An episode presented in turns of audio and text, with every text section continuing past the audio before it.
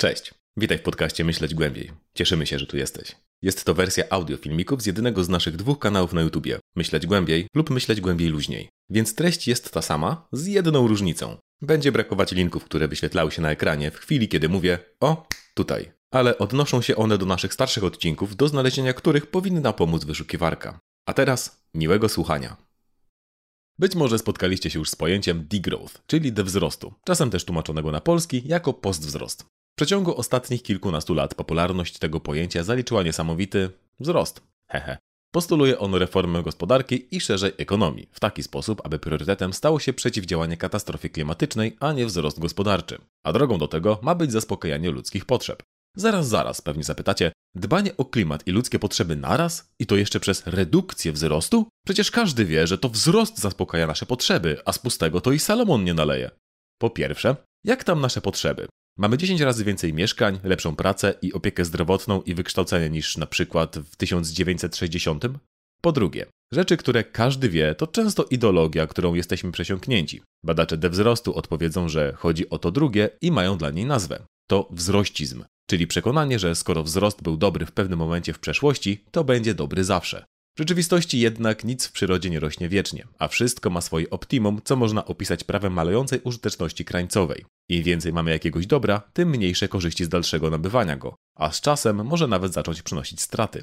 Dokładnie tak jest w przypadku państw globalnej północy. Choć wzrost w czasach przedwojennych i do lat 70. był względnie łatwy i wymiernie korzystny, tak od lat 80. opiera się na prywatyzacji dóbr wspólnych, cięciu zabezpieczeń społecznych i praw pracowniczych oraz sektorze finansowym. Wzrost stał się sztuką dla sztuki, więc paradoksalnie spowolnienie wzrostu pomoże w zaspokojeniu ludzkich potrzeb. Jeśli spojrzymy na to, jak mierzymy wzrost, czyli przy pomocy PKB, produktu krajowego brutto, to wszystko staje się jasne, bo PKB mierzy tylko przepływ pieniądza, a nie bogactwo, zaspokojenie potrzeb czy zadowolenie obywateli. Zobaczmy, jak to działa w praktyce. Do małej miejscowości kiedyś dojeżdżała kolej, ale połączenie okazało się nierentowne, więc państwo przeznaczyło te pieniądze na trasy między wielkimi miastami, gdzie było więcej przychodów z biletów. PKB wzrosło. Mieszkańcy, aby móc dojeżdżać do pracy, musieli kupić samochody i paliwo. PKP wzrosło. Spędzają teraz więcej czasu w korkach, a mniej z rodziną, więc chcą im to jakoś zrekompensować, na przykład robiąc w weekend rodzinny wypad do centrum handlowego, McDonalda i kina.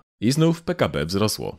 Czyli ludzie mają mniej pieniędzy, czasu i zadowolenia, konsumują więcej niepotrzebnych rzeczy, ale gospodarka ma się lepiej. Oto współczesny wzrost w pigułce. Natomiast dewzrostem byłoby przywrócenie połączenia kolejowego, co poprawi jakość życia mieszkańców, ale obniży też PKB. Swoją drogą to tylko efekt uboczny, bo dewzrost jest obojętny w sprawie PKB. To rozwiązałoby też problem emisji, korków i zużycia materiałów, czyli zmniejszyłoby ślad ekologiczny.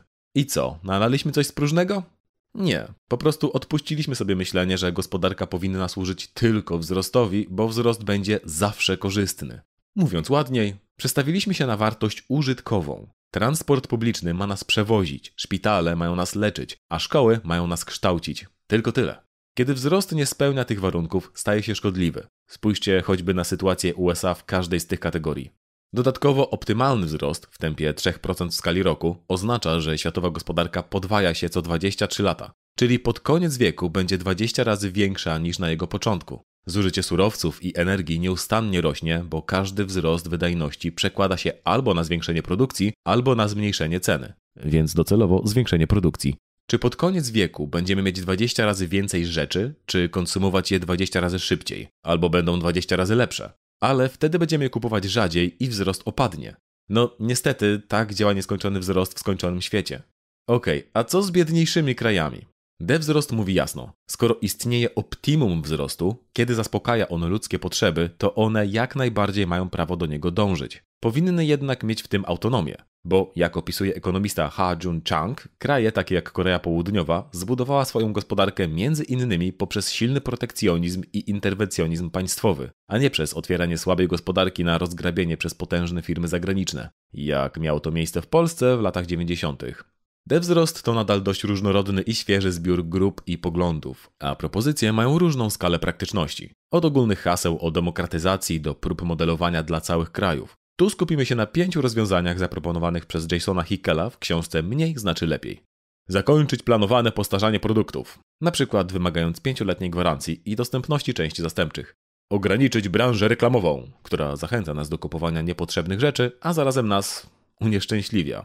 Tak, serio. Przejść od posiadania do użytkowania. Czyli stworzyć wypożyczalnie dla narzędzi, których nie potrzebujemy cały czas, jak wiertarka, kosiarka czy nawet samochód. Zakończyć marnotrawstwo żywności, czyli wyrzucanie pomidorów, które są za mało okrągłe, czy promocji w stylu trzeci produkt za darmo. To w krajach bogatych. W pozostałych zaś wymaga to poprawy infrastruktury transportowo-magazynowej. Zmniejszyć przemysły szkodliwe ekologicznie, czyli oczywiście wołowina, za którą stoją wielkie dopłaty rządowe, ale też suwy, niewydajne energetycznie domy czy podróże lotnicze. Inne postulaty do wzrostu dotyczą pracy. Czterodniowy tydzień pracy, gwarancja zatrudnienia, bezwarunkowy dochód podstawowy. Dzięki temu mielibyśmy spokój umysłu i czas nie tylko na dbanie o siebie czy bliskich, a również na osobiste projekty, udzielanie się w inicjatywach społecznych czy przysłowiowe posprzątanie lasu. Ostatnim ważnym aspektem wzrostu jest kwestia nierówności społecznych i demokratyzacji. Choć brzmi jak lewackie ideologizowanie, to transformacja zwyczajnie się nie powiedzie, jeśli będzie uderzać w najbiedniejszych. Ich gniew zostanie wykorzystany przez prawicowych populistów, którzy ją zablokują. A demokratyzacja?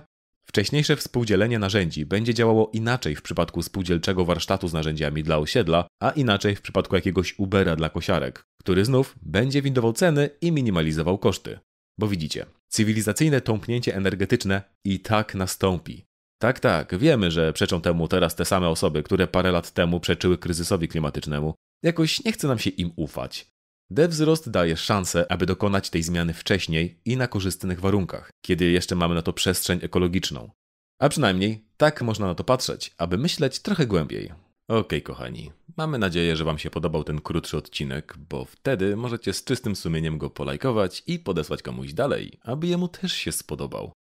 Z ogłoszeń drobnych. Szykujemy większe wideo o wzroście, ale chcieliśmy już to teraz wypuścić jako głos w debacie i rozwianie pewnych wątpliwości i krytyk, w większości skupionych na nazwie, która jest kontrowersyjna celowo. No, ale to na potem. W każdym razie, zadawajcie pytania, a może akurat wykorzystamy je w tym dłuższym wideo. Także tego. No, to wszystko na dziś. Trzymajcie się i do następnego. Pa!